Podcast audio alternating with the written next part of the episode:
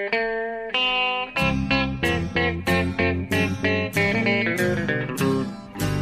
out there, we're on the air. It's hockey night tonight.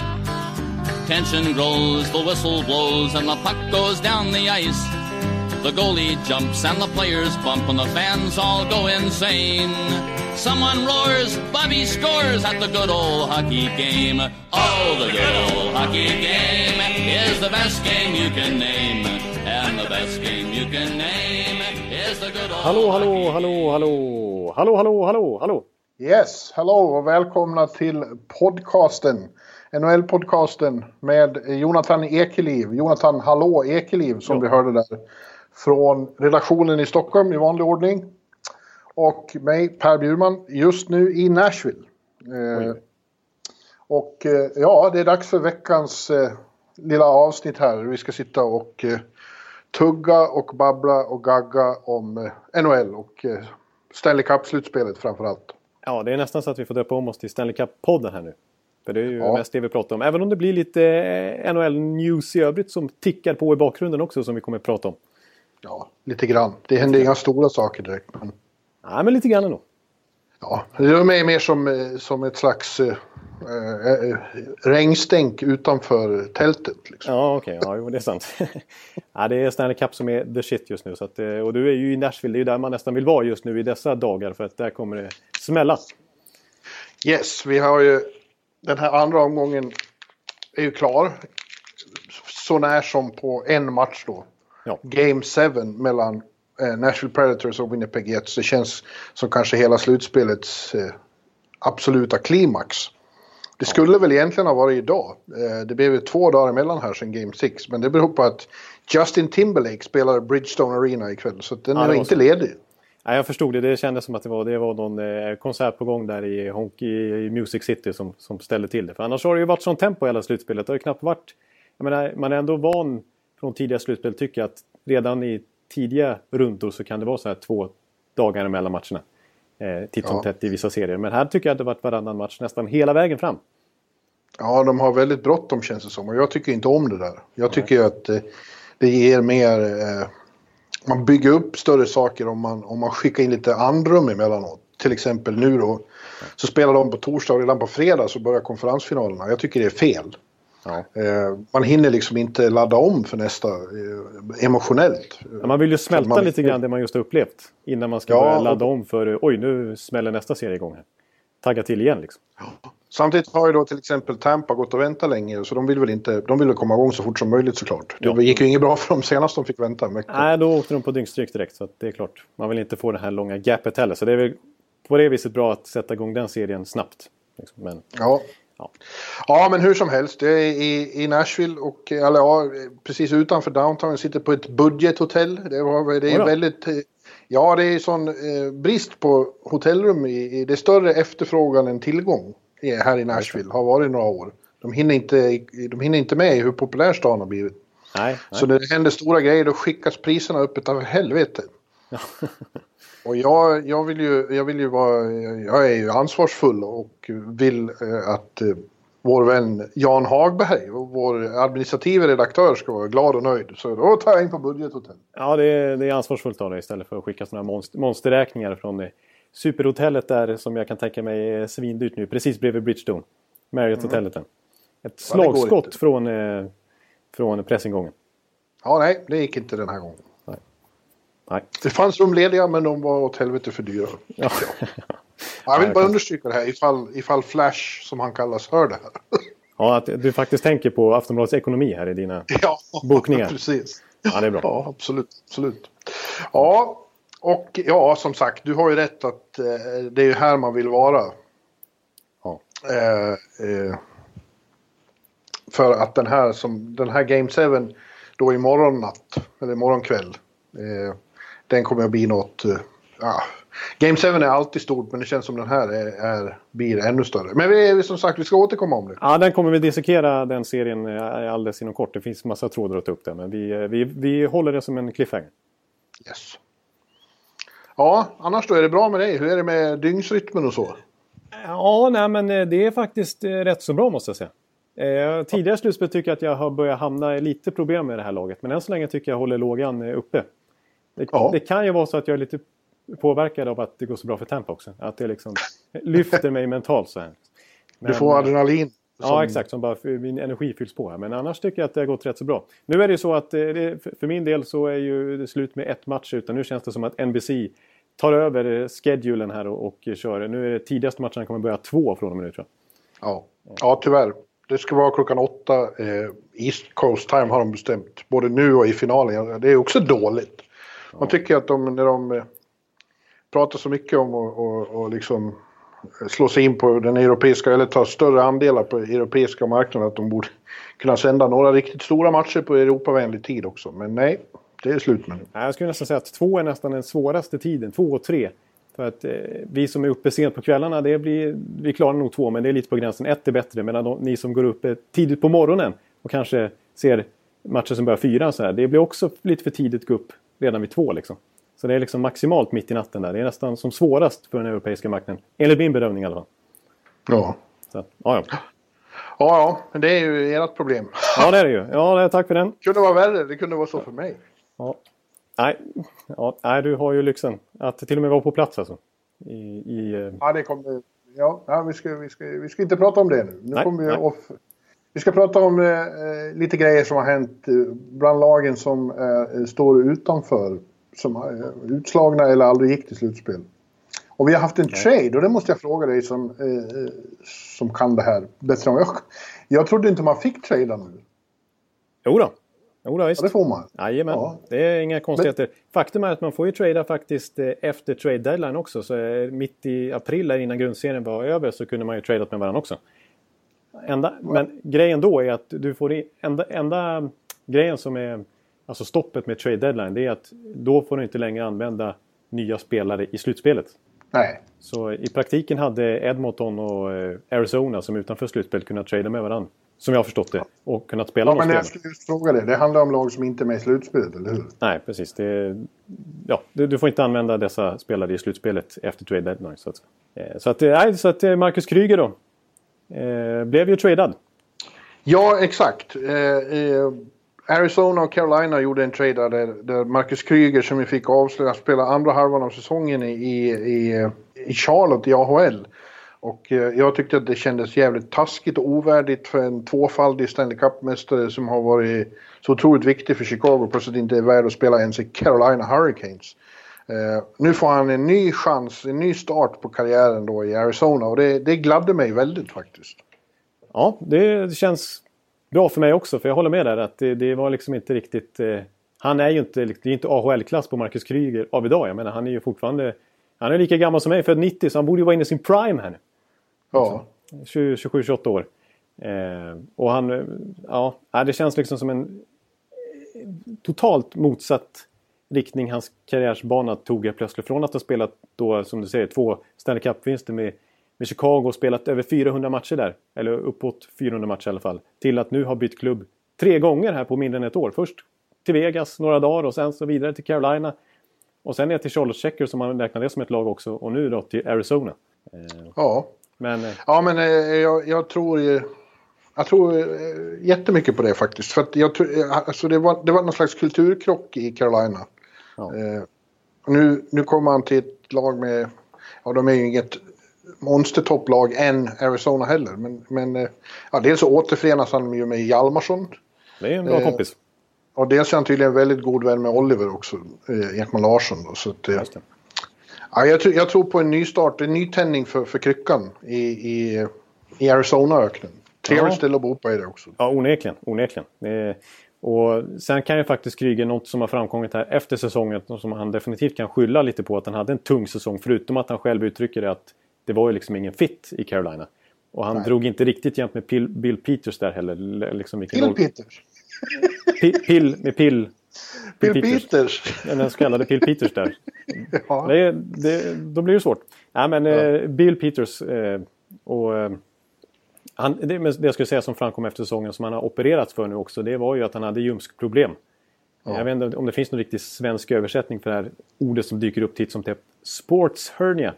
Någon sån här, ja, det är brock. Ja, som, som många... Ljumskbrock säger vi. säger vi så. Ja, men det, är inte, det är inte riktigt ljumspråk heller tror jag. Alltså, ni, jo, det är det visst. Är det det? Ja. Okej, ja. Ja, men det, det säger Dr. Bjurman det, då är det så. Ja, då, då, då, då... Det har jag själv haft i yngre dagar. Så det vet är det sant? Ja, då, då litar jag på det. Ja, men, ja. Det har han lidit av hela säsongen mer eller mindre. Så att det är klart att det försämrar hans... Han hade inte samma jump i skridskoåkningen. Liksom. Jump, nej. Pill. Han och Pill kom inte överens tycker jag är det intressantaste dock. För att ja. det har man ju börjat förstå av fler och fler att det är inte bara hockeyfilosofi han har gemensamt med Mike Babcock. Det är tydligen vissa personlighetsdrag också. Ja, exakt. Ja. Så att, nej, och nu kommer medan då den unge Shaika, John Shaika, general managern i Arizona då, talar extremt varmt om Kryger här och säger att han tradar inte till sig Carolina Kryger utan Chicago Kryger. Han ja. är, säger ju att han är bara 27-28 år att han har varit Exakt. väldigt framgångsrik som shutdown center tidigare. Och det är just den rollen de vill använda honom i för det tycker de har varit en stor brist för dem. Så han är ja. beredd att ge honom en ganska stor roll från start här. Och det ja. är verkligen uh, möjlighet för Kryger att få fart på karriären igen. Som den borde få. Underbart. High-five jag Shaika och hockeygudarna för detta. För jag vill kryckan gott. Ja. ja. Jag håller med. Helt och hållet. Men nu när vi ändå är inne då på Carolina så har det ju liksom eh, nu också artat sig hur det blir där. Eh, det har ju varit väldigt krångligt för dem att få en ny general manager. För många har fått erbjudande men tackar nej av olika skäl. Tydligen är han ju väldigt snål, ny ägaren, så han vill inte betala vad en general manager får på andra håll. Det, ingen av de stora namnen som har varit intresserad av det. Och han, när han presenterades där i januari eller vad det var så gick han in och sa att nu ska vi spendera till taket. Och vet du, jag sitter på Dolares liksom. Kom igen nu. Ja, ja. men det, det vill han inte på, coach och general manager i alla fall. Nej. Eh, men nu ett tag var ju då interim var ju han Don Vedell. Ja precis. Som tidigare har varit i Atlanta var han ju i ett Exakt. tag. Det hann vi ju komma in på lite förra veckan när de tog, och de tog in han eh, Dudley också. Ja, men nu är ju Waddell då... Det är bestämt att han blir general manager på riktigt. Ja. Ja.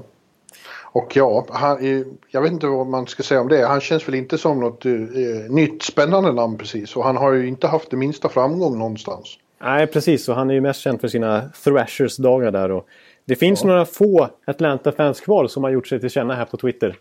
Eh, senaste tiden som jag har sett. Och de liksom bara... Waddell, eh, liksom, alltså, får han alltså ett nytt general manager-jobb liksom? Ja. Stackars er Carolina. Lite så, lite så har de uttryckt sig. Så illa kanske han inte lyckades i Atlanta, men han var ju ingen framgångsrik general manager där. Eh, han har fortfarande inte vunnit en slutspelsmatch. Han har inte bara inte vunnit en serie, han har inte vunnit en match i slutspelet. Nej, precis. Och eh, är det någonting som Carolina vill lyckas med nu framöver som är anledningen till att de har gjort de här stora rockaderna är väl för att de inte själva har varit i slutspel sedan 2009. Att, ja. Ja. ja, men han är väl glad då. Han, får väl, han tar väl den lön han får och är glad att han får vara med igen. Han är säkert supernöjd över det. Ja. Och ny coach då blir eh, klubbhjälten och eh, tidigare assisterande coachen Rod Brindamore. Ja. Eh, och ja, ja det, det, känns ju också... Visst, han säger ju själv, det är redan för en månad sedan så, så läste jag Brindamore sa att eh, liksom, nu har jag varit assisterande tränare i sju år här.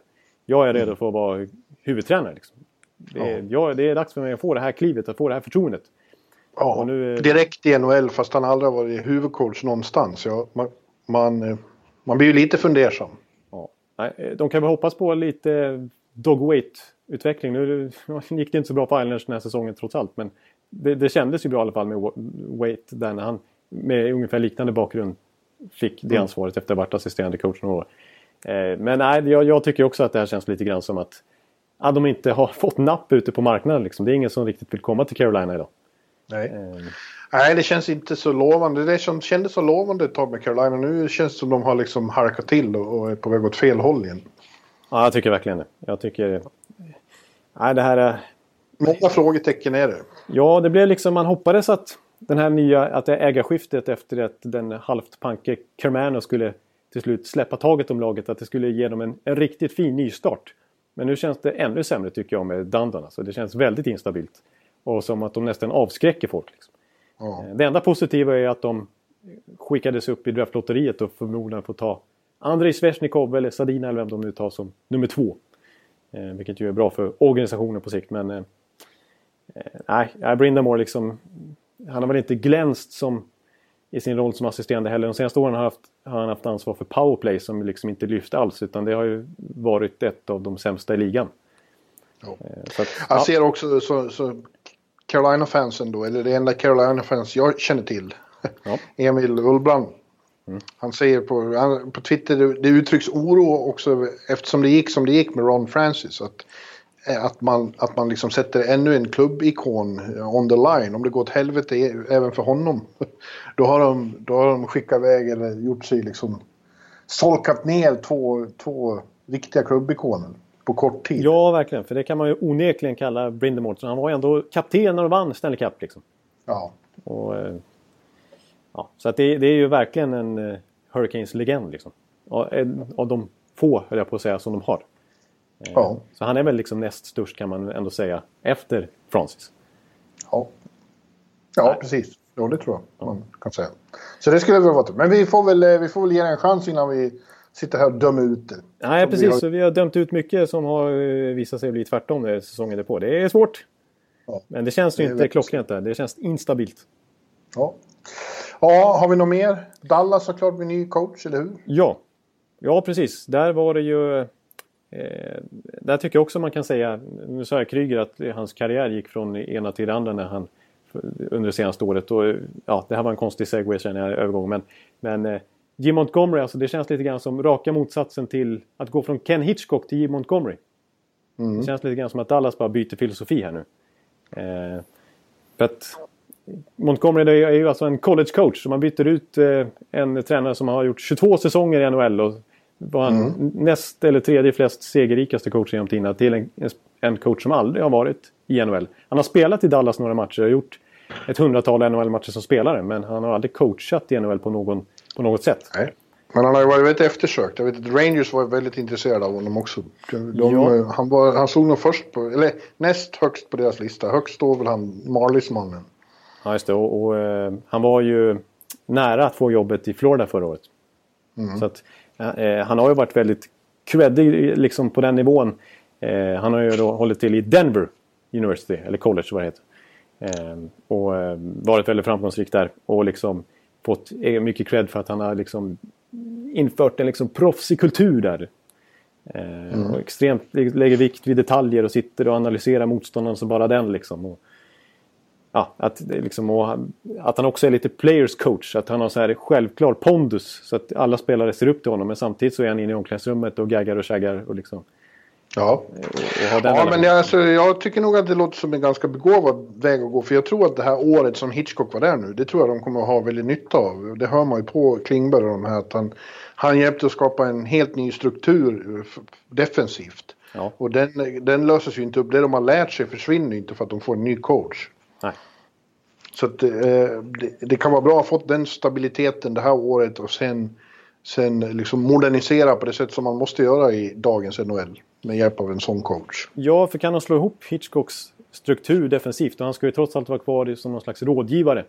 Vad ja. det betyder. Men, eh, men eh, med, med eh, Montgomery då, som säger spelaren står för en väldigt intensiv forecheck liksom.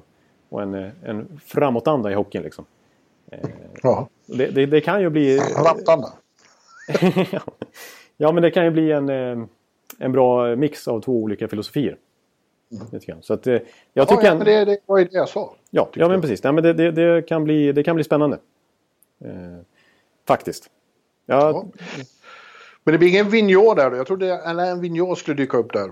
Vad har, vi, vad har vi för lag kvar som inte har coachen nu Det är Rangers. Eh, ja. Det är kanske bara Rangers. Nej, jag kommer bara på Rangers just nu. Man glömmer säkert någon given, men nej, det är, är det bara Rangers eller? Nej, det kan det väl inte vara. Nyss var det så många lediga jobb. Ja.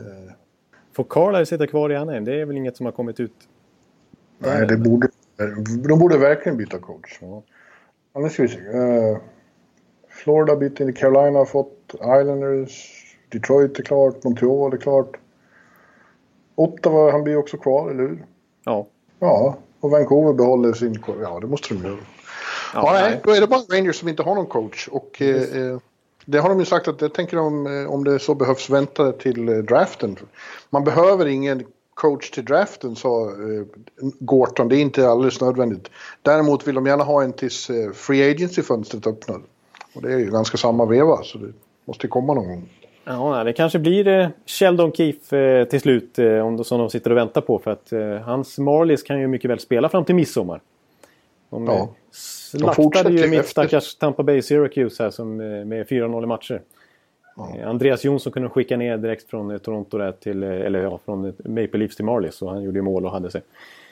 Eh, Och de har sam, bor i samma stad. Det måste vara väldigt bekvämt. Ja, precis. Och Carl Grundström som kommer från Frölunda här till slutspelet har gjort det väldigt bra också. Så att Marlies kommer gå långt.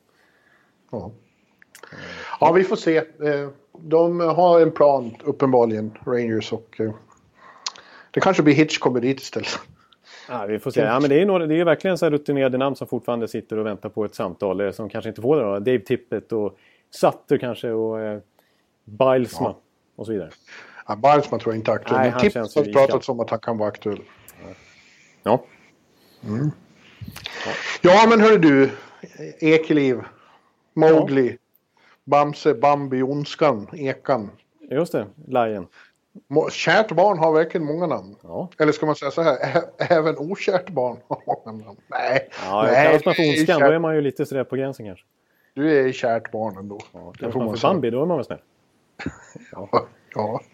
ja, det är min mamma som kallar det Ja, just det. det. Eh, ja, Stanley Cup-slutspelet. Ekeliv. Ja, ja.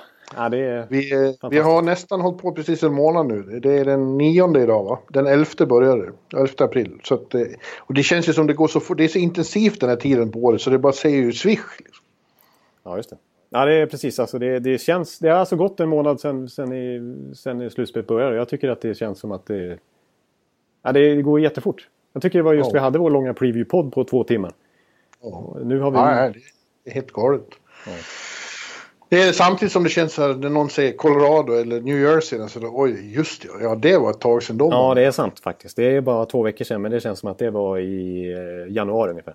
Ja, får inte ta de lagen som inte är med alls. Liksom. Nej, St. precis. Louis. Man har ju släppt liksom... Eh, ja, Arizona har vi inte pratat om på länge känns som, men nu helt plötsligt så, så blev de aktuella.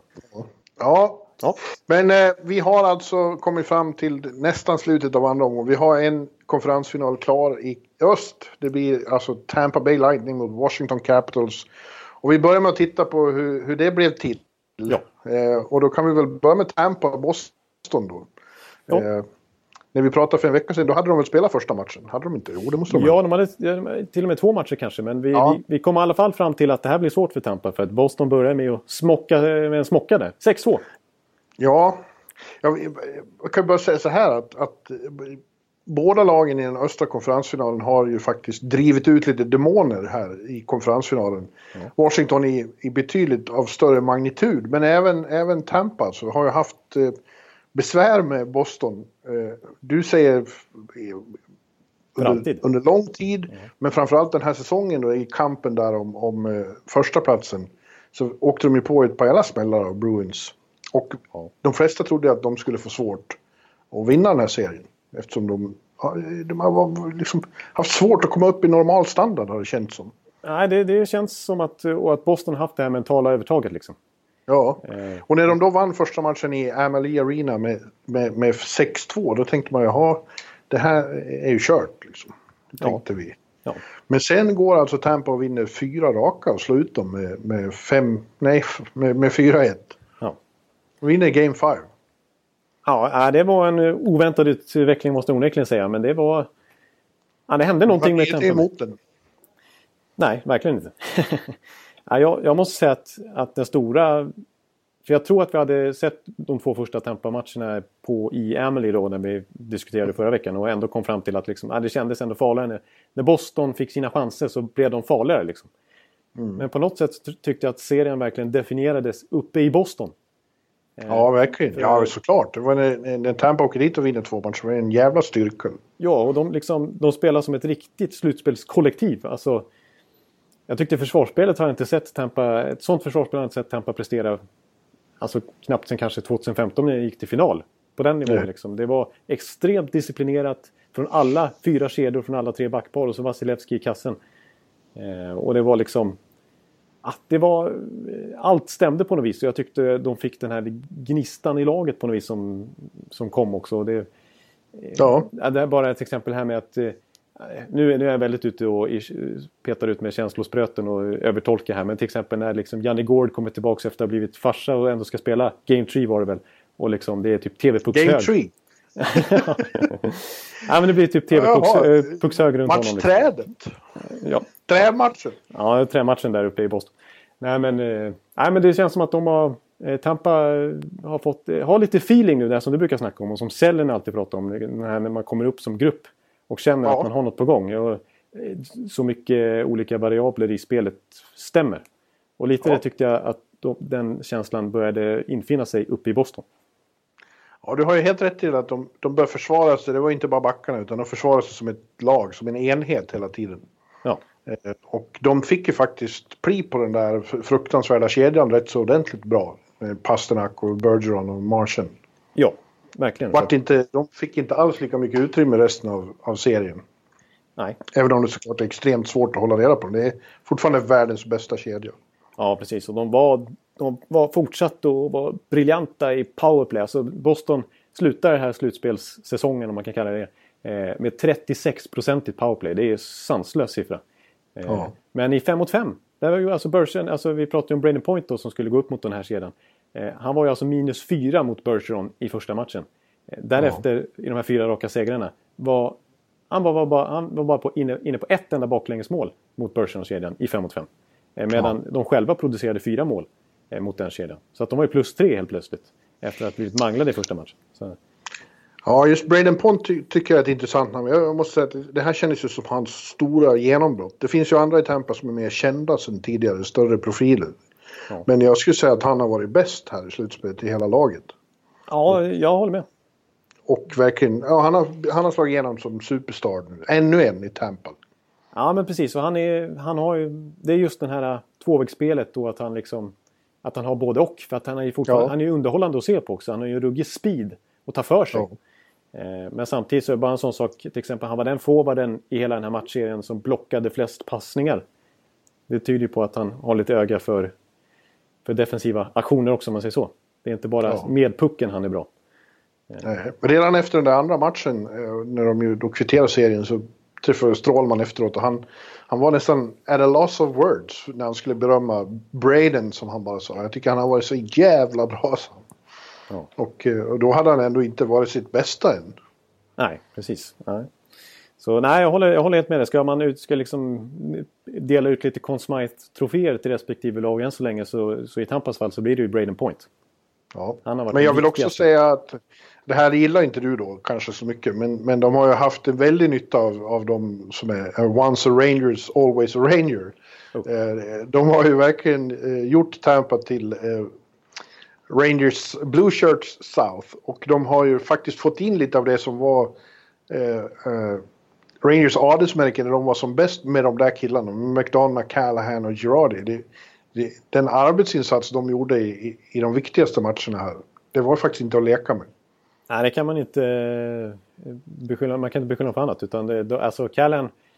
Callahans Game 5 tycker jag var helt makalös. Ja, precis. Ja, då, då, eh, alltså han är ju verkligen en han är, slut, är någon man vill ha med sig. Ja, men han är ju en krigare på det viset. Alltså, ja. Han, han ja. sliter ju som ett djur alltså. Och ja. är helt hänsynslös i hur han spelar också. Alltså täcker skott och tar tacklingar och vad som helst. Men får jobbet gjort. Mm. Eh, och jag menar, eh, Girardi avgör ju faktiskt. Eh, det är ju en enorm skillnad på om det hade blivit 2-2 i matcher gentemot 3-1 som det blev då när de vann den sista matchen i Boston i, på övertid. Ja. Eh, de hade väl spelat idag, typ en, en Game 7? Ja, något sånt. Ja, det, det, det, är du glad för att de inte gör? Nej, usch, det känns ju fantastiskt.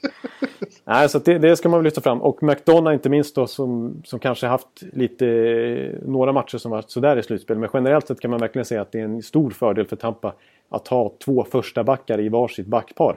Jag menar, McDonough mm. är ändå van vid att vara given första back i Rangers och få gå mot motståndarens bästa spelare och ha ett enormt förtroende. Nu kan Tampa, jag menar när det är så viktigt med matchup som det är ett slutspel så kan Tampa ha Hedman i ett bakspår och McDonough i ett annat och det blir ju väldigt svårt att liksom coacha mot. Eh, så han har, han har verkligen varit betydelsefull eh, sen den traden och nu i slutspelet inte minst. Ja, men vi ska väl också vara ärliga, åtminstone tänker jag vara och säga att att de hade lite nytta av att det var ett visst manfall i Boston. Tory Krug var ju ett fruktansvärt bakslag för dem att bli av med, så man inte kunde spela Game 5. Nej, precis. Och så som han har varit i det här slutspelet. Det var ju Boston-fans som ville typ kora honom till MVP i första rundan mot Toronto. Trots att vi ja. bara pratar om första kedjan nästan. Ja. Så bra var han ju då. Eh, och så bra var han faktiskt eh, i den här serien också i stora delar. Men eh, nej, och jag, jag, kan förstå... Och Bergeron har ju haft en spela med skada. Liksom. Det är nästan Erik Karlsson-klass på vad han har gjort. Liksom, eh, sett till hur han har haft ont. Ja, och det, precis. Och det är alltså, alltså det är ju det som, som de föll på lite i Boston i slutändan. Att, eh, att det var nästan bara de som producerade så att säga.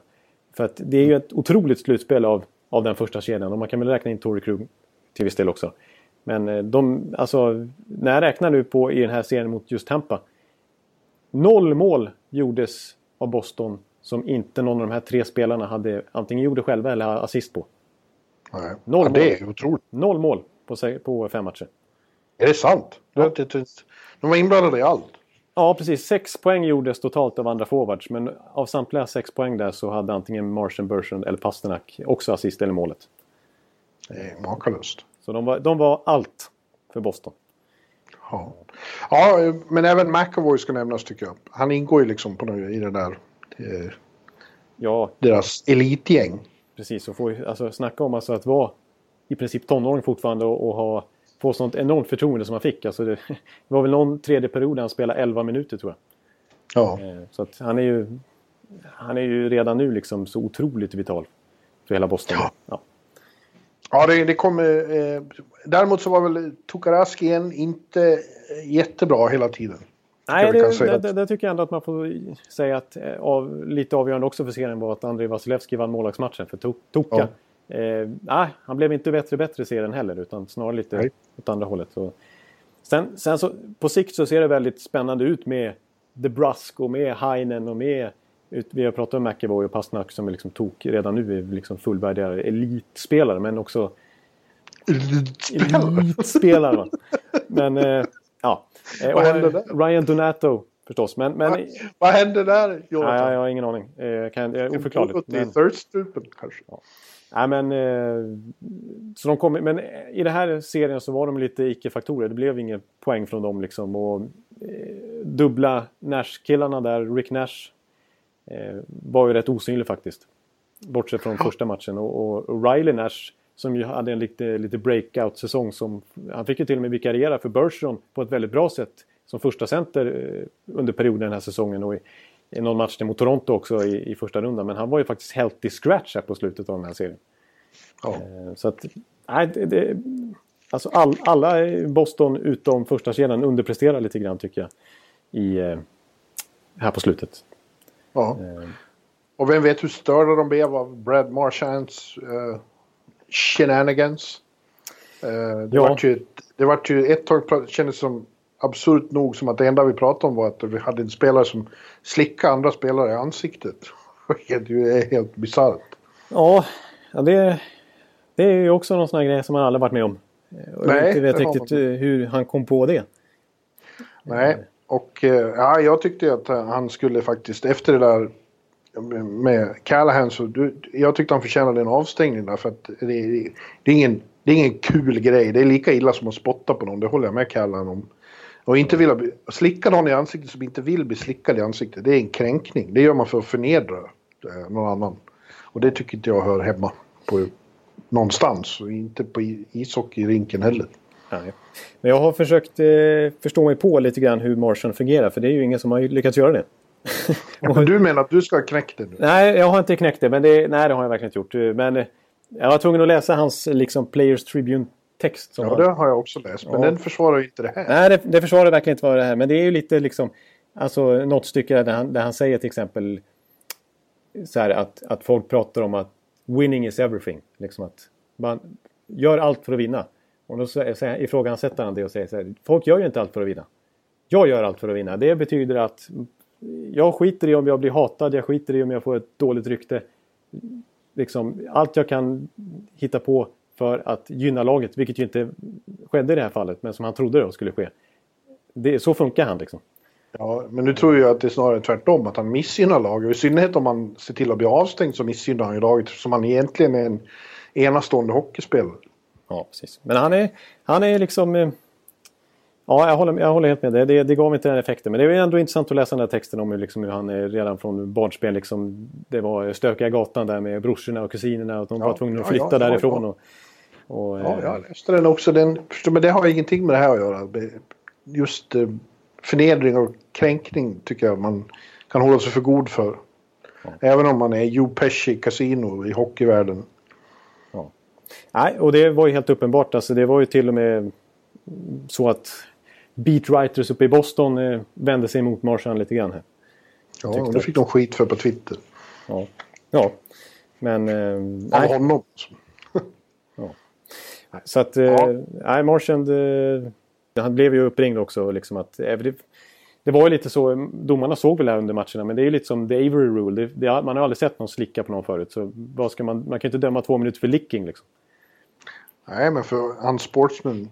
Ja, det, det hade man ju kunnat. det är ju en ganska bred... Ja. Eh, så mycket som täcks in där.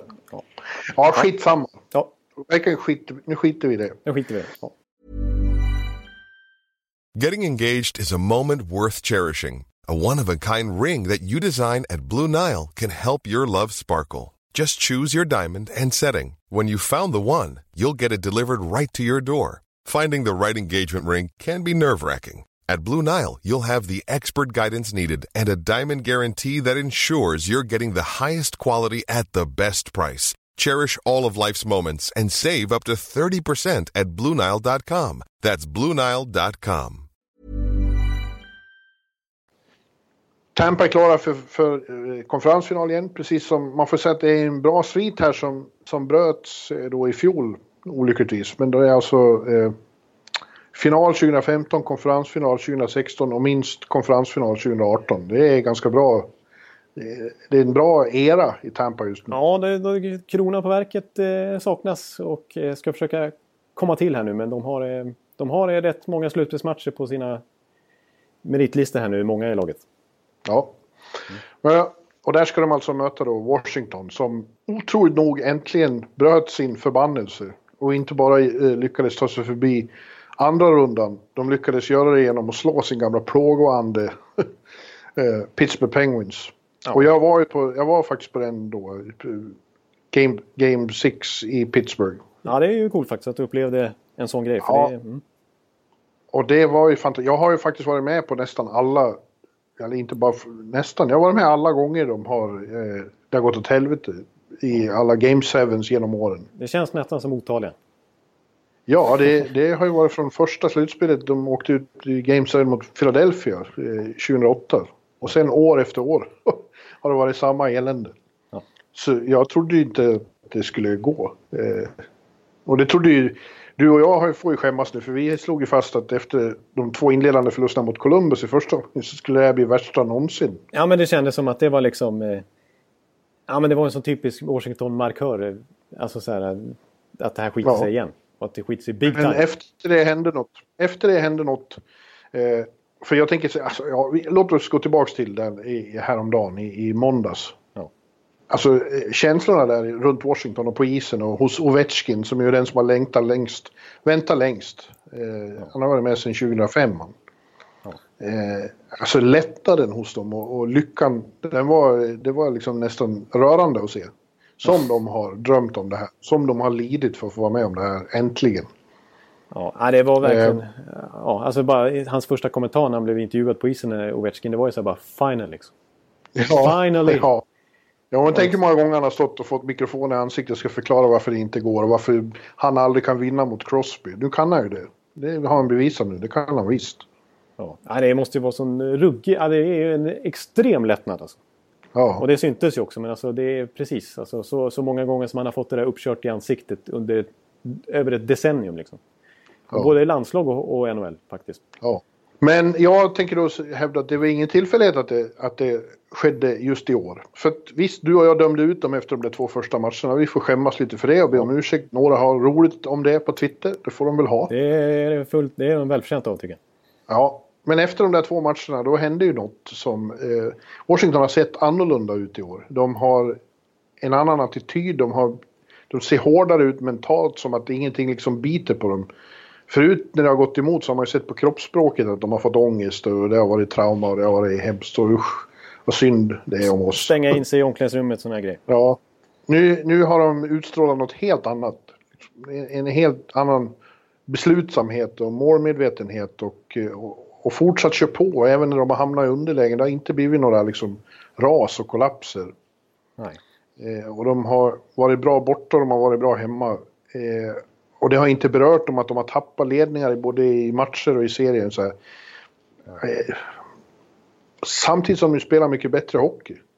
Ja. Eh, det sa Patrik Hörnqvist när jag pratade med honom, Bengan, att jag frågade rakt ut om visst känns det som ett annorlunda Washington? Ja. Eh, och de är också mycket snabbare. Så. De har ersatt, det är några killar som har försvunnit och några som har kommit till och de är mycket, mycket snabbare. Ja, jag tycker, och bara en sån som Ovechkin tycker jag känns... Alltså han ja, vi ska, honom ska vi ta i... Ett, ett eget segment. Ja. ja. Men, nej, men jag håller med, det är så mycket som liksom... Eh, man kan peka på allting. Alltså powerplay, boxplay fungerar. Det är liksom, det, de får verkligen, alltså, som vi varit inne på tidigare här under veckorna. Men alltså bredden levererar ju verkligen. Ja. Eh, på ett sätt som den inte alls har gjort tidigare. Alltså i, i Game 6 är det till och med en australiensare som är med och bidrar till ett mål. Ja. Det, Braden Holtby har ju faktiskt en fantastisk slutspelshistorik. Det, det ska man inte glömma bort. Att han, det är bara Tim Thomas som har bättre räddningsprocent än honom i slutspel. Genom alla tider. Ja, men och i det här varit... slutspelet så, så tycker jag det är han och Mark-André Fleury som är de överlägset bästa målisen.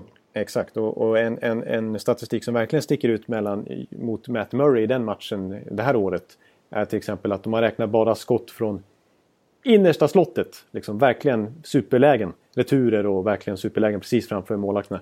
Där har Braden Holtby en räddningsprocent på 92. Otrolig siffra. Medan Matt Murray hade 73. Mm. Jag menar, då är målvakten ganska avgörande. Ja, jag, jag, jag, underskattad kan vi kalla Holtby. Kommer ihåg att han började på bänken i det här slutspelet? Ja, han, var ju Grubauer. Där är en sån som Ekeli till exempel här nu eh, tyckte att det var helt rätt. Ja. ja. Man ska också komma ihåg att de gjorde det här mot Pittsburgh.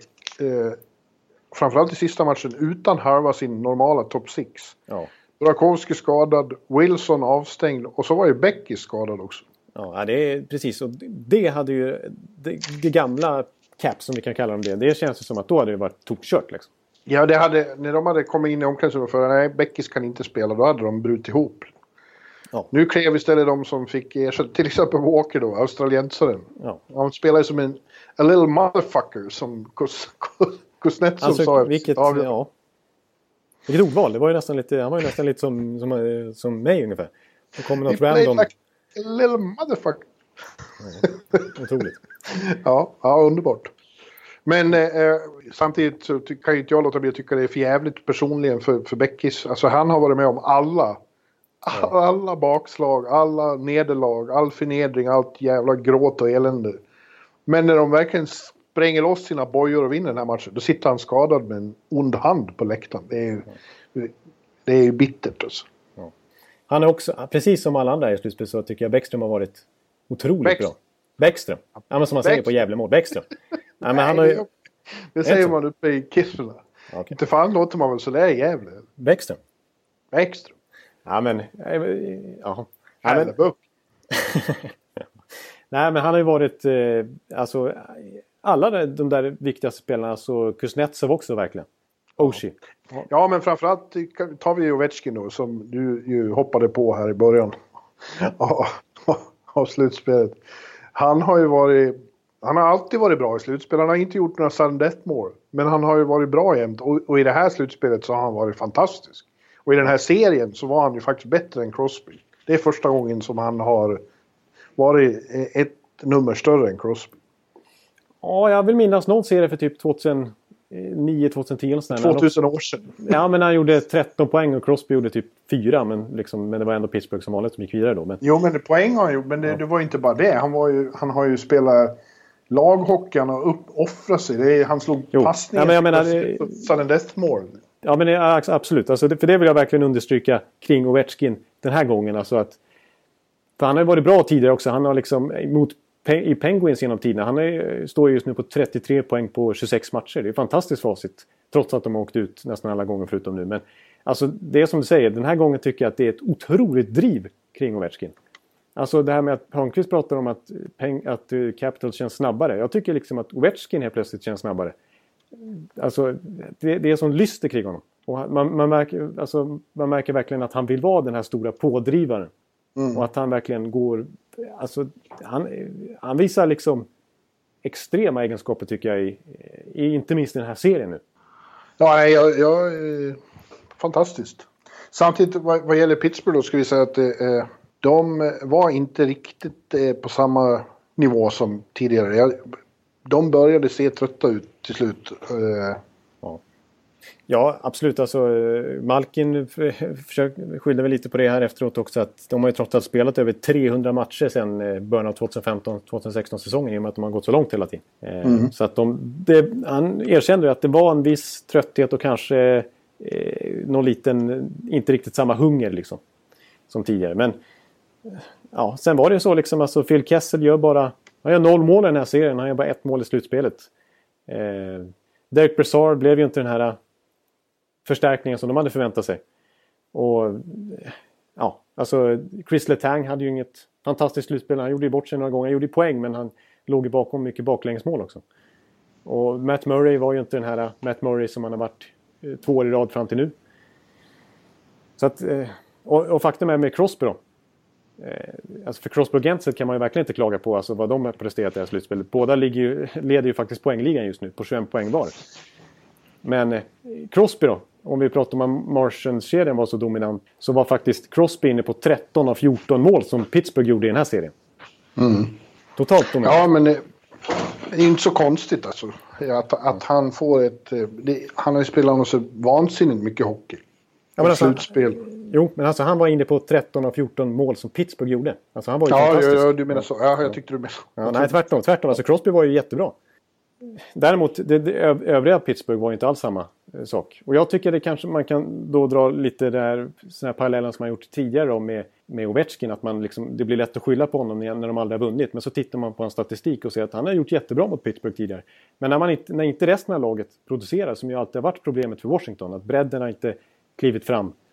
Eh, de har släppt in billiga mål, det har varit turnovers, det har varit mentala blockeringar. I det här fallet kan man ju säga att Crosby verkligen har klivit, klivit fram i den här serien. Men resten av laget inte alls. Han har inte alls fått den supporten på, på samma sätt som inte Ovechkin hade fått det tidigare heller. Ja, då blir det svårt. Det, det, det går inte att vara ett one man team liksom. Ja, eh, och lite har de... Det är några sådana här bread and butter-spelare som har försvunnit också. Som de saknar. Ja. Men jag tänker på sådana som Kunitz och sådana. De har nog varit rätt viktiga där. Ja. Kunitz och Bonino och, och Kallen borta. Liksom. Ja, och det är ändå karaktärer i, onekligen som, som har satt färg, färg på det laget och som varit som liksom Crosby kan ju inte nog understryka till exempel hur mycket Kunis har betytt under den här långa eran. Så att ja, det är klart att det har haft betydelse. Det var inte samma hunger och det var inte riktigt samma karaktär på det här Pittsburgh-laget. Av kanske naturliga orsaker, men... Eh, ja, men... jag hävdar igen att, att, när man spelar så mycket så det, det kommer till en viss punkt där man inte orkar mer. Nej. Och, det... och när Washington var hungriga ville, ville ville lite mer, så alltså, hade mer motivation. Ja. Det var ju nästan allra mest illustrerat tycker jag i den här Game 6 som till slut blev avgörande. För jag, jag tänkte inför den här matchen att den borde Pittsburgh, det är en typisk Pittsburgh-match. Hemmaplan, kniv mot strupen. Då brukar de kunna prestera sina allra bästa matcher. Genom ja, men de, det var ingen särskilt bra match av dem. Nej. De, de fick aldrig riktigt till eh, det här spelet som de fick mot Philadelphia till exempel. Nej, de, de får bara iväg 22 skott på hemmaplan. Ja. Det, det, det, är inte bra. Och målet de gör det är ju ett tursamt mål. Jag tyckte de inte skapade så mycket chanser. Liksom. Det, var, det var ett det lamt Pittsburgh faktiskt. För en gångs skull. Ja. Ja, det var stor skillnad. Jag vill lyfta fram två spelare till bara i Washington. Ett backpar. Och det är faktiskt inte John Carlson utan det är det här Niskanen, eh, Niskanen och eh, Orlov faktiskt. Man pratar ju bara om John Carlson nästan, eller bara men han får ju väldigt mycket av rubriker med tanke på att han vann poängligan för backarna i grundserien och han har fortsatt på samma sätt nu i slutspelet. Eh, mm. Och ligger på en poäng per match som back så här långt in i slutspelet. Men eh, faktum är att 5 mot 5 så är det ju otroligt och liksom med shutdown-rollen och så här och som det var så otroligt viktigt i den här Game 6 till exempel också. Eh, då spelade ju liksom Niskanen en halvtimme. Orlov också uppåt. Det, det backparet överlägset eh, mest använt av Barry Trotz medan John Carlson ligger på kanske 23 minuter. Totalt sett i slutspelet har Niskanen spelat en halvtimme mer 5 mot 5 än Carlson eh, och gör det extremt effektiv som defensiv back. Så att det backparet tycker jag man verkligen ska lyfta fram också som jätteviktigt för Capitals. Och kommer vara det framöver i slutspel också. Mm. Att, ja. ja, för nu ställs de då, dessa två eh, demondödare mot varandra. Ja. Tampa, Washington. Och hur kommer det att gå? Det känns väldigt svårt att, att avgöra, eller hur? Ja, jag tycker det känns... Jag vet ju vad du vill och... och ja. ja, nej men alltså generellt sett så ty jag tycker ju så här, alltså nu, nu får ju visserligen Washington tillbaks kanske Andrei Burakovsky, han ska ju faktiskt följa med till Tampa på flyget. Och Bäckström är väl en game time decision igen. Ja, då förstärks ju bredden ytterligare, men jag tycker att Tampas bredd ska vara en fördel här igen. Mm. Men, men just nu känns Washington med den här inspirationen, med när de har sprängt den här mentala barriären liksom. Då känns det som att eh, de kan bli svårstoppade alltså. Eller vad säger du? Ja, men jag, ja, ursäkta, jag fick ett mail som jag var, jag varit, jag varit distraherad av. Ja. Jag tror att båda två, båda lagen har det där i sig nu att de har tagit sig förbi något väldigt svårt. Naturligtvis är Washingtons eh, liksom, eh, prestation och grad av lättnad ännu större. Eh, mentala spärrar har släppt och så, men jag tror att även Tampa känner sig liksom att de har gjort något stort genom att slå ut Boston och det har de ju också. Ja. Eh, och att det har byggt väldigt mycket bra känsla i det laget och i den truppen. Ja, jag pratar ju om deras feeling. Eh, ja, precis. Den feelingen finns hos båda nu. Det är därför det så, tycker jag det är så svårt att, att, att sia om det här. Låt oss säga så, Ovechkin har som sagt ett väldigt bra slutspel och han har ju personligen visst övertag på Tampa, eller hur? Han har gjort ja. jävligt mycket mål ja, på Tampa genom usch, Det är ju den värsta. Alltså om Boston är liksom deras buggy team så är liksom Eh, Ovechkin är ju Tampas, eh, vad säger man, eh, bödel. Nej, men han, ja. han, han, har ju, det, det, är ju den spelare som har gjort överlägset flest mål på Tampa genom tiderna. Liksom. Han har ju dödat dem så många gånger och han har, han har sin klassiska målgest när han inte kunde ta upp klubban igen för den var så het. Oj, oj, oj. Den var så varm och het. Han gjorde för mycket mål med mot Tampa. Så att, och då blev ju Tampa kränkta i vanlig ordning. Men eh, så, att, så Ovi liksom, sen tidigare så spelade de i samma division, den här gamla South East. Ja, precis. Och då, då var, hade ju liksom Washington ett enormt övertag på Tampa. Både resultatmässigt och mentalt. Då kändes det som att äh, liksom åka upp till Washington och spela igen. Äh, ställ andra målvakten och ta en förlust och sen så går vi för nästa match istället. Lite så var det då. Och det, det, sitter väl ändå kvar, i alla fall hos oss fans. Jag vet inte om så många spelare, för nu är ju, har varit med om det. För nu tycker jag det har ju varit jämnt de senaste åren med de här lagen. Men jag, jag underskattar verkligen inte Washington. Det kommer bli en svintajt serie som det känns 50-50, tycker jag i alla fall inför. Ja, jag tycker också det känns verkligen 50-50. Det är två väldigt bra lag. Eh, jag tror dock att även om de nu gjorde det här utan Wilson och, och, och, all, och company så behövs Beckis. Alltså Beckis hand måste bli bra. Han tränade inte idag så vi vet inte hur, hur det ligger till. Eh, men vi hoppas eh, eh eller hoppas, ja, jag hoppas för hans skull och för ja. Washingtons skull att han är tillbaka. För utan honom så tror jag att det över sju matcher blir jävligt svårt. Jag håller med om det, för nu, fick, nu gick det ju bra i den här Game 6 i alla fall, men de fick ju slänga in Travis Boyd med 200 AHL-matcher och 8 NHL-matcher istället för Bäckström och det är klart att det, då, det är inte samma grej. Verkligen Nej. inte. Då är, alltså, det är otroligt viktigt för, för matchups och sådana grejer som jag återkommer till hela tiden, att ha det här centerdjupet. Eh, och jag menar, kan de ha Kuznetsov i toppform, Bäckström i toppform och Lars Eller som verkligen är i toppform också. Ja, då, då, är de, då är de breda. Washington likaså. Ja. Så att, eh, ja, det är tajt. Men eh, viktigt med Bäckströms eh, hälsa. Att han, att han är tillbaks för att det ska gå vägen. Ja, absolut. Men om han blir det, då, då tycker jag det är svårt. Extremt svårt att tippa, men man måste ju. Ja. Eh, och då har Tampa hemmaplansfördel, så jag säger 4-3 till dem. Ja, jag, du kan inte tippa mot nej, Tampa. Nej, det kan jag inte göra. Jag säger... Nej, nej, nej. nej men då... Jag säger faktiskt 4... Då säger jag 4-2 till Tampa. Alltså. Mm. Då avgör de i Washington, men, men eh, ja, jag säger det.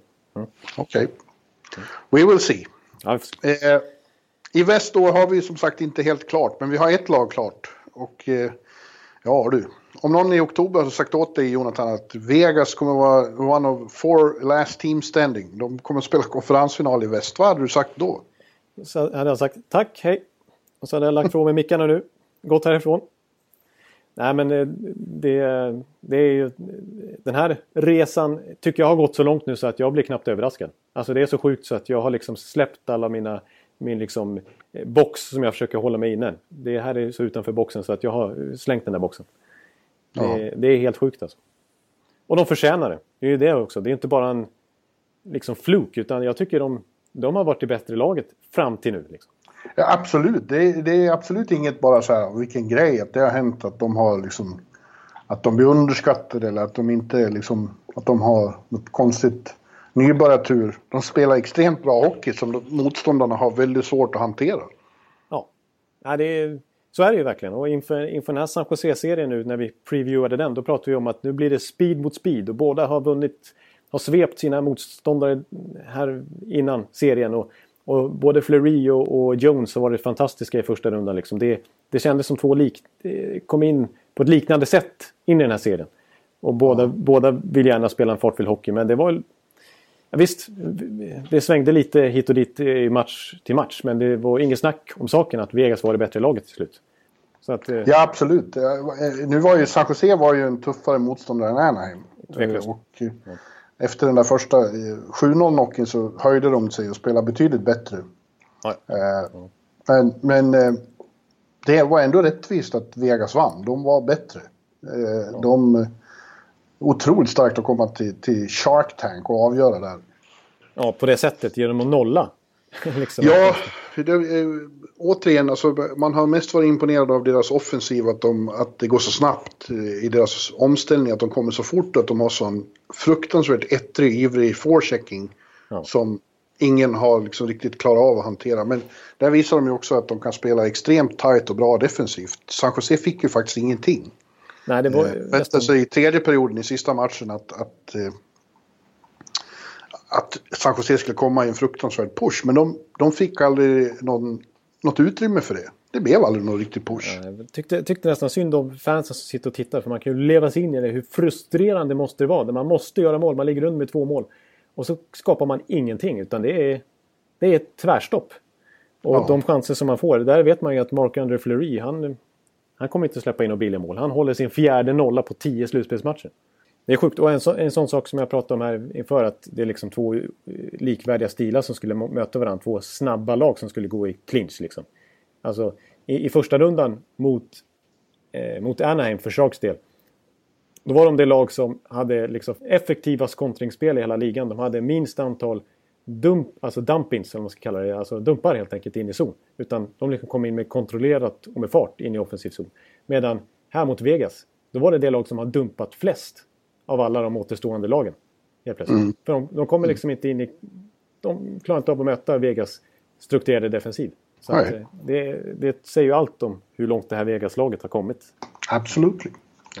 Men som sagt, jag nämnde honom förut. Mark Andre Fleury måste, måste ju nämnas speciellt här. Han har hållit fyra nollor på tio matcher i slutspelet.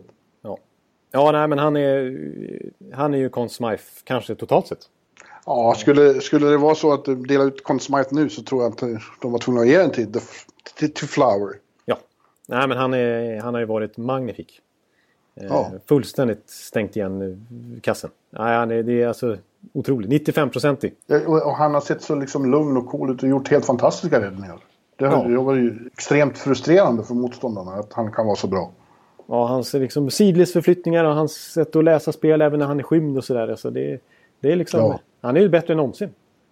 Och ser du hur liksom, man, man ser han är en av få målvakter som åker ut och kramar om backar och så när de har gjort något bra. Ja, precis. Och som, som smeker stolpen så här. Tack för ja, alltså, ja. sådana grejer.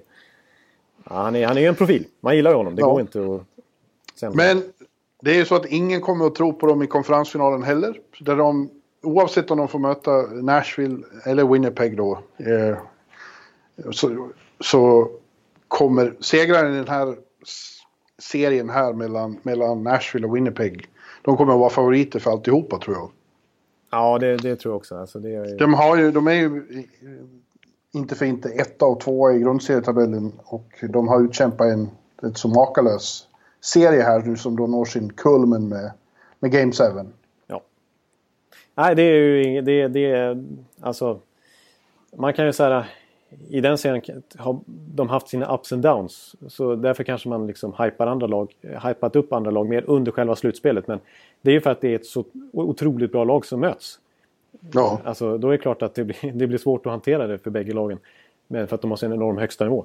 Så att, eh, nej, jag tycker det är de två bästa lagen. Det är, och det är klart att de ska vara favorit även mot Vegas som vi ju till slut här måste hypa upp ordentligt också. Ja, det kommer att bli jättebra. Det kommer att bli två olika beroende på vem de får möta eh, såklart. Men eh, ja, de, de gör ju inget annat än skräller så det är ju ingen skräll längre om de, om, om de vinner. Eh, vem vet? Eh, men det, vi får se här nu då. Eh, I Nashville imorgon. Ja, ja. Det törs man inte heller säga någonting. Det är helt omöjligt att, att, säga att någon är favorit här. För de har ju... Alla de tidigare sex matcherna har varit totalt olika. De har vunnit på olika sätt och de har gjort saker mot varandra på olika sätt. Det är helt... Eh, känns som eh, all bets are off här. Nej, ja, det har varit en konstig serie. De har ju vunnit varannan match liksom. Och, ja, det är ingen som har vunnit två matcher i raden. Nej, och, och vi pratade i... Mitt argument för att tippa Nashville inför var ju hemmaplansfördelen. Och visst, nu har de ju hemmaplan i sista matchen, men det är ju fyra bortasegrar och två, bara två hemmasegrar hittills i, i serien. Ja. Så det har inte varit någon, eh, någon vinstlott på det viset. Och, och, till och med så, så att jag läste i The, The Tennessee här inför den här matchen att, att de uppmanar, kanske lite skämtsamt då, men att klä er i vitt. Bua ut subben. Ja. Ja. ja. men däremot så ligger det... Ja, indirekt ligger det något i det. Jag pratade faktiskt med Ekholm igår om det. Han, han säger att det, de har nog ryckts med lite för mycket i, i det här trycket hemma. Blivit för entusiastiska när det är sånt vansinnigt tryck här. Och, och spelar mycket bättre borta för att de har varit lugnare då. Ja, och, och lite samma kan man säga med Winnipeg. Att de har liksom ryckts med kanske lite för mycket där uppe. Alltså, ja, ja, precis. På något konstigt sätt så kan det bli kan ju faktiskt motståndare dra nytta av det liksom när, när de bara tänker på matchen och liksom ja. stänger ute omvärlden ungefär. Precis. Och det skulle det då i så fall tala för dem i, här i Game 7 nu då. Eh, det och det faktum att de har, om de får igång båda sina första kedjor, Shifley-kedjan och Line-kedjan, ja. då är det inte nådigt för motståndarna. Eh, Nej, det har ju Nashville eh, förstått. Det är väl så att Winnipeg har, eh, om man ser till de två första kedjorna. ingen har två lika bra kedjor. Nej, det, det är ett sanslöst... Eh, alltså, nu återkommer jag till det. Bredd på spetsen.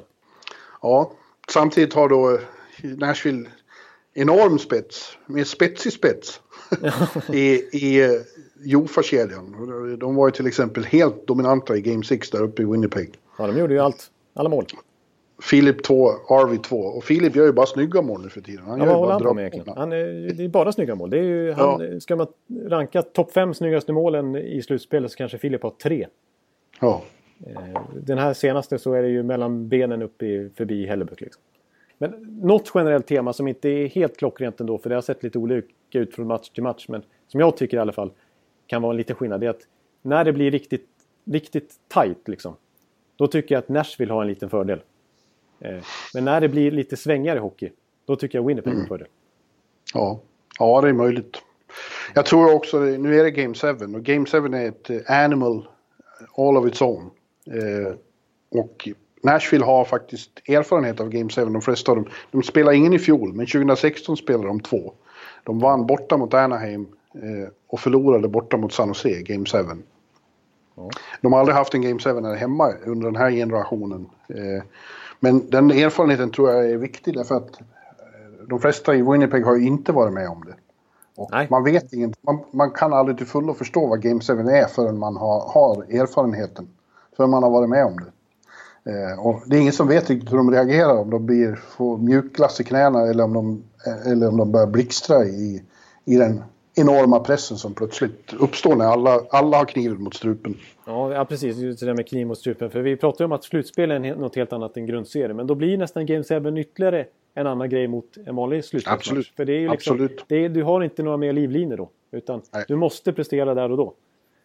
Det var cool. Pierre LeBrun hade ringt upp Justin Williams igår för en lång intervju i Athletic om vad som krävs i Game 7. Och är det någon som vet så är det Justin Williams. Ja, som, Han är Mr Game 7. ja, som avgjort mer än man kan räkna till nästan.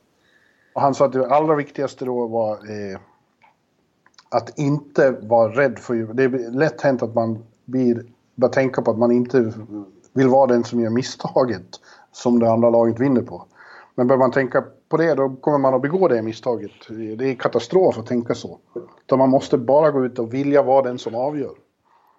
Ja, är... Och det har ju han alltid varit. ja, det är därför han, kanske, han har gjort det. För att han har haft det. Det är ju extremt mentalt liksom. Ja. Men här. det ser man ju ibland. Det finns ju de som åker och gömmer sig och inte vill ha Ja, visst. pucken. Precis, man, jag tycker man har sett vissa matcher, eh, till och med bildbevis liksom har visat att alltså hur folk skakar nästan. Ja. Alltså, Ja, jag glömmer aldrig... Eh, ja, det var inte Game 7, men det var när de hade läge att avgöra hemma. Game 5, Detroit, finalen 2008. Det var första gången eh, många av de yngre, Kronwall och Zetterberg och de här, var med om en sån situation där de kunde spela hem kuppen. Ja, ja. Första bytet kunde Kronwall faktiskt inte hålla i klubban. Nej, Man såg det på, men det släppte ju efter ett tag. Men först så var det så skakigt så att de ja, på att tappa klubban. han, liksom det mest basala blir liksom svårt. Ja. det, det är så mycket hjärnspöken. Liksom. Ja, det darrade i händerna. Ja, det är så. Det kommer vara lite så. Det, det, det ju, blir ju extremt mentalt här nu i Game 7. Alltså. Vilket Men jag får stå fast. Jag tippade från början att Nashville skulle vinna med 4-3. Jag får väl stå fast vid det då. Ja, och jag eh, gjorde det med motiveringen att de har hemmaplansfördel. Och det, det har ju Ja. som sagt inte hjälpt. Men du kanske gör det till sist. Till sist då. Och, och Subban eh, lovar ju där att eh, också. Det är ju många som har hakat på Mark Messier och försöker eh, liksom, lova saker hit och dit. Men han sa ju att vi skulle ta tillbaks. Vi skulle åka upp och vinna i, i Winnipeg och sen ta det på hemmaplan. Liksom. Ja, det var ju en jävla styrka liksom. Att de inte ens blinkade. De åkte dit och gjorde det bara. Nollade denna offensiv. Det är Ja, ju ja imponerande. det var starkt. Ja. ja, i vilket fall så får vi nya svenska namn i bucklan. Det vet vi nu. Just det. Just det. Eh, det blir antingen Strålman Hedman, Bäckström Burakovsky Jos, eh, Karlsson Lindberg, Mm. Forsberg, eh, Ekholm, Arvidsson, Järnkrok eller Enström. Någon av dem kommer att få namnet i bucklan. Ja, det är trevligt med, det är ju trevligt med omväxling faktiskt. Kanske dags för Anton. Han har förlorat två finaler redan. Ja, det, du, det är jag verkligen. Det finns många namn eh, i just den truppen som jag gärna ristar in där. Ja. ja, men du min vän, nu får vi vara klara med det här. För nu måste jag skriva mail till- som jag fick här. Ja, precis. Jag varit lite Snart, eh, distraherad. Ja, snart eh, och precis. Och lite annat jobb som du vill ha där inför Game 7 helt enkelt. Tala inte om det. Ja, ja men vi, eh, vi hörs nästa vecka. Då är vi mitt inne i konferensfinalen i alla fall. Yes. Och eh, trevlig Game 7 och eh, trevlig konferensfinalvecka. Tack ska ni ha. Höj, höj. Hoj! Hallå, hallå, hallå. Hallå, hallå, hallå. Alex Chiazot, Joe Luis Arena och Esposito. Esposito. Uttalsproblem, men vi tjötar ändå. Och alla kan vara lugna, inspelningsknappen är på. Bjuder Hanna Kohl, han är grym i sin roll. Från Kållesoffan har han fullständig kontroll på det som händer och sker. Det blir ju allt fler som rattar in hans blogg. Och lyssna på hans podd. One, two, three, speed, so Hallå, hallå, hallå. One, two, three, speed, so Hallå, hallå, hallå. Ekeliv, som är ung och har driv. Verkar stor och stark och känns allmänt massiv. Han hejar på Tampa och älskar Hedman. Sjunger som Sinatra. Ja, och där ser man. Nu är det dags för refräng. Dags för magi, Victor Norén. Du är ett geni. Så stand up at home and remove your hats. Höj volym, för nu är det plats. One, two, three, speed, so Hallå, hallå, hallå. One, two, three, speed, so Hallå, hallå, hallå. One, two, three, speed, so Hallå, hallå, hallå. One, two, three, speed, so Hallå, hallå, hallå. Det är otroligt länge sedan båda samtidigt var så här bra. Hallå, hallå, hallå. Det är otroligt länge sedan båda samtidigt var så här bra.